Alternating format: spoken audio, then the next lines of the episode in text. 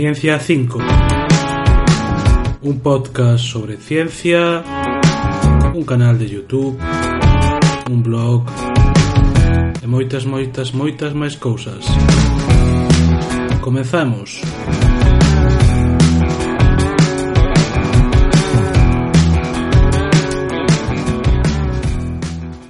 Ola, outra semana máis en Ciencia 5, como estamos? Espero que todo ben. Imos a seguir coa lectura do libro Historia do Tempo do Big Bang Os Buratos Negros de Stephen W. Hawking Hawking O principio do universo había sido foi discutido dende logo moito antes de isto De acordo con distintas cosmoloxías primitivas e coa tradición xudio-cristiana e musulmana, o universo comezou en certo tempo pasado finito e non moi distante. Un argumento a favor dun orixe tal foi a sensación de que era necesario ter unha causa primeira para explicar a existencia do universo. Dentro do universo, un sempre explica un acontecemento como causado por algún outro acontecemento anterior, pero a existencia do universo en sí só podría ser explicada desa maneira se tivera unha orixe. Outro argumento o deu San Agustín no seu libro A Cidade de Deus. Sinalaba que a civilización estaba progresando e que podíamos recordar quen realizou esta chega ou desenvolveu aquela técnica. Así o home, e polo tanto quizáis tamén o universo, non podería existir dende moito tempo atrás. San Agustín, de feito, co libro do Xénese, aceptaba unha data dunhos 5.000 anos antes de Cristo para a creación do universo. É interesante comprobar que esta data non está moi lexos do final do último período glacial, sobre o 10.000 antes de Cristo, que cando os arqueólogos supoñen que realmente empezou a civilización.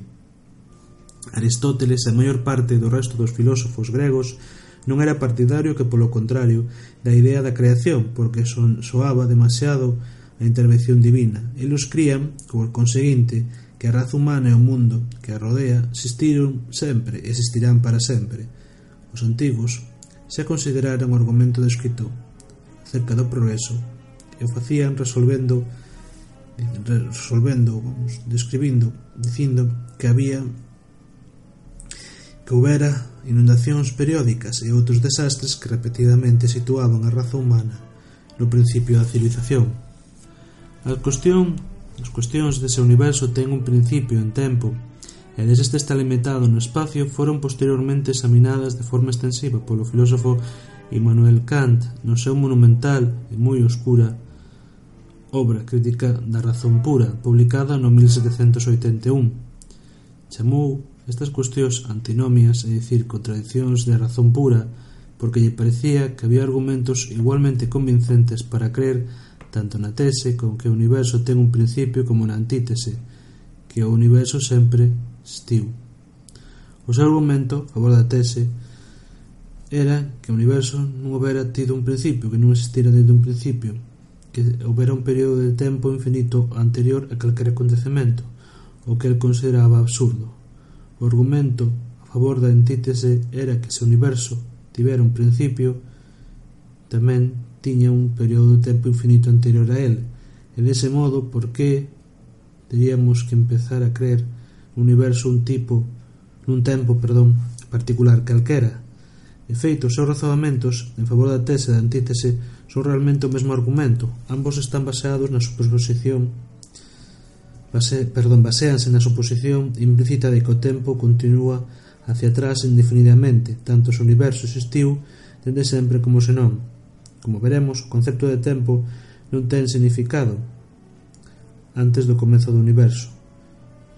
Isto se foi sinalado no primeiro lugar por San Agustín cando lle preguntaron que facía Deus antes de crear o universo Agustín non respondía.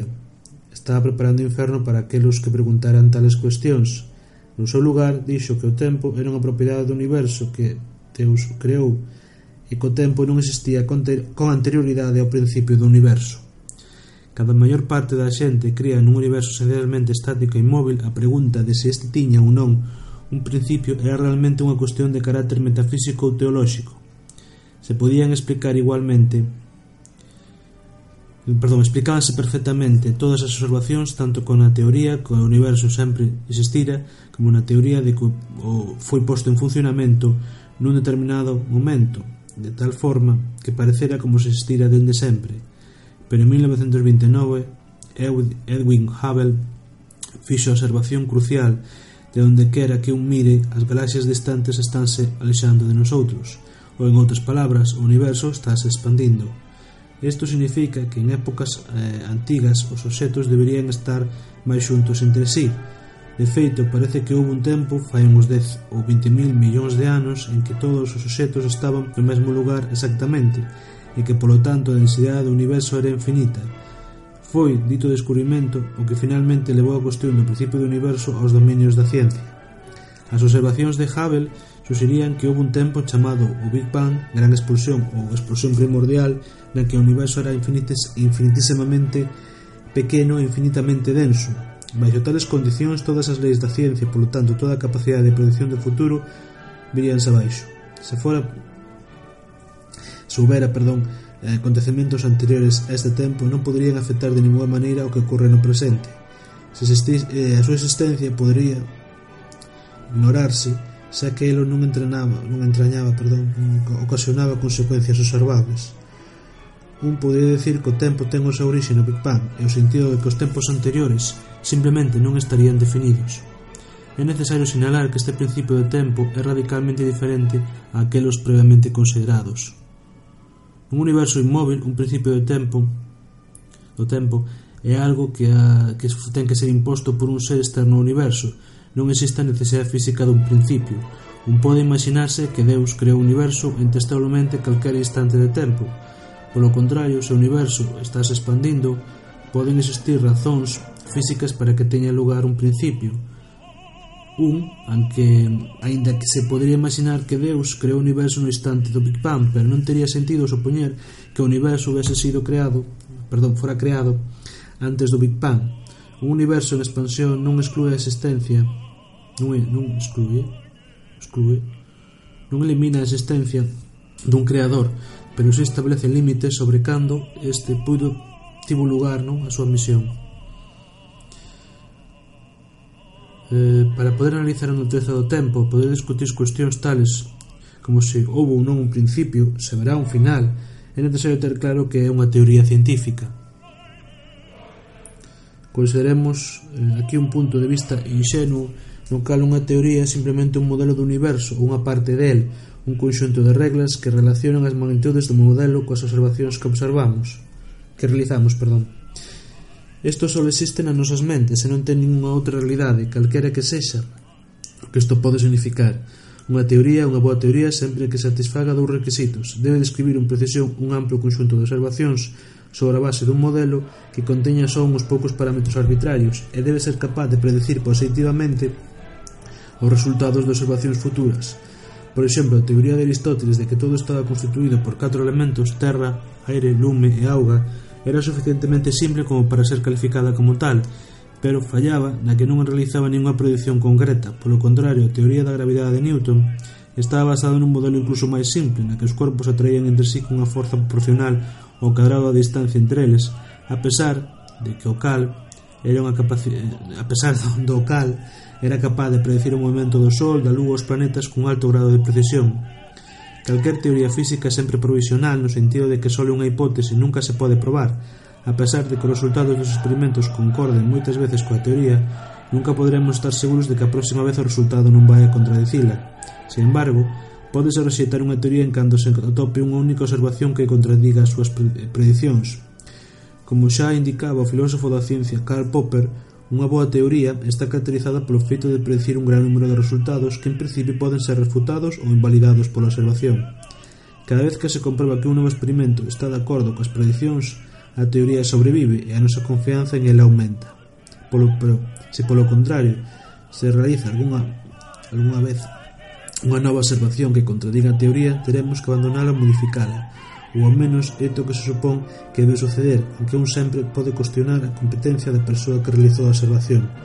Na práctica, o que sucede é que se constituye un, constituye, constituyese, construí unha nova teoría que en realidad é unha extensión da teoría orixinal. Por exemplo, observacións tremendamente precisas do planeta Mercurio revelan unha pequena diferenza entre, entre o seu movimento e as predicións da teoría de gravidade de Newton. A teoría da relatividade xeral de Einstein predicía un movimento de Mercurio lixeramente distinto da teoría de Newton. O feito de que as predicións de Einstein se asustaran ás observacións mentres que as de Newton non o facían foi unha das confirmacións cruciais da nova teoría. Sen embargo, seguimos usando a teoría de Newton para todos os propósitos prácticos, se que as diferencias entre as súas predicións e as da relatividade xeral son moi pequenas nas situacións que normalmente nos incumben. A teoría de Newton tamén posee gran ventaxa posúe, perdón, gran ventaxa de ser moito máis simple e manexable que a de Einstein. O objetivo final da ciencia é proporcionar unha única teoría que describa correctamente todo o universo. Sen embargo, o método que a maioría dos científicos siguen en realidade é a de separar o problema en dúas partes. Primeiro están as leis que nos dicen como cambia o universo co tempo, se coñecemos como o universo un instante dado, estas leis físicas dirános como será o universo en calquer outro instante posterior. Segundo, está a cuestión do estado eh, inicial do universo. Algúnas persoas creen que a ciencia se vería ocupar únicamente na primeira parte, consideran o tema da situación inicial do universo como obxeto da metafísica ou da religión. Estos, argumentos, estos argumentarían que Deus, ao ser omnipotente, podría iniciar o universo de maneira que máis lle hubiera gustado. Pode ser que sí, pero nese caso el tamén podría haberlo feito evolucionar dun modo totalmente arbitrario. En cambio, parece ser que elixiu facer evolucionar dunha maneira moi regular seguindo certas leis.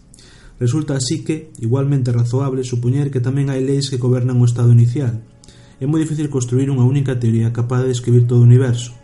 En vez delo, vamos Estamos obrigados, de momento, a dividir o problema en varias partes, inventando un certo número de teorías parciais. Cada unha destas teorías parciais describe e predice unha certa clase restringida de observacións, despreciando os efectos de outras cantidades ou representando estas por simples conxuntos de números. Pode ocurrir que esta aproximación sexa completamente errónea, se todo o universo depende de absolutamente todo o resto del, dunha maneira fundamental. Poderá resultar imposible acercarse a unha solución completa, investigando partes ailladas do problema. sin embargo, este er, este problema é certamente esta forma de traballar é certamente o modo no que progresamos no pasado feito clásico, exemplo clásico, perdón, do novo, de, é de novo a teoría da gravidade de Newton, a cal dinos que a forza de gravidade entre dous corpos depende únicamente dun número asociado a cada corpo, súa masa, sendo polo demais independente do tipo de sustancia que forma o corpo. Así non se necesita ter unha teoría de estrutura e constitución do Sol, os planetas, para poder determinar as súas órbitas. Os científicos actuais describen o universo a través de dúas teorías parciais fundamentais, a teoría da relatividade xeral e a mecánica cuántica. Ambas constituen o gran, a gran achega o gran a logro intelectual da primeira metade deste século. A teoría da relatividade xeral describe a forza da gravidade e a estrutura a gran escala do universo, é dicir, a estrutura a escalas que van dende solo uns poucos kilómetros ata uns billóns de kilómetros, un con 24 ceros detrás, de kilómetros, tamaño do universo observable. Bueno, hasta aquí chegamos esta semana, para a semana seguinte seguimos coa lectura deste libro. Moitísimas gracias, que teñades moi boa semana e moita ciencia.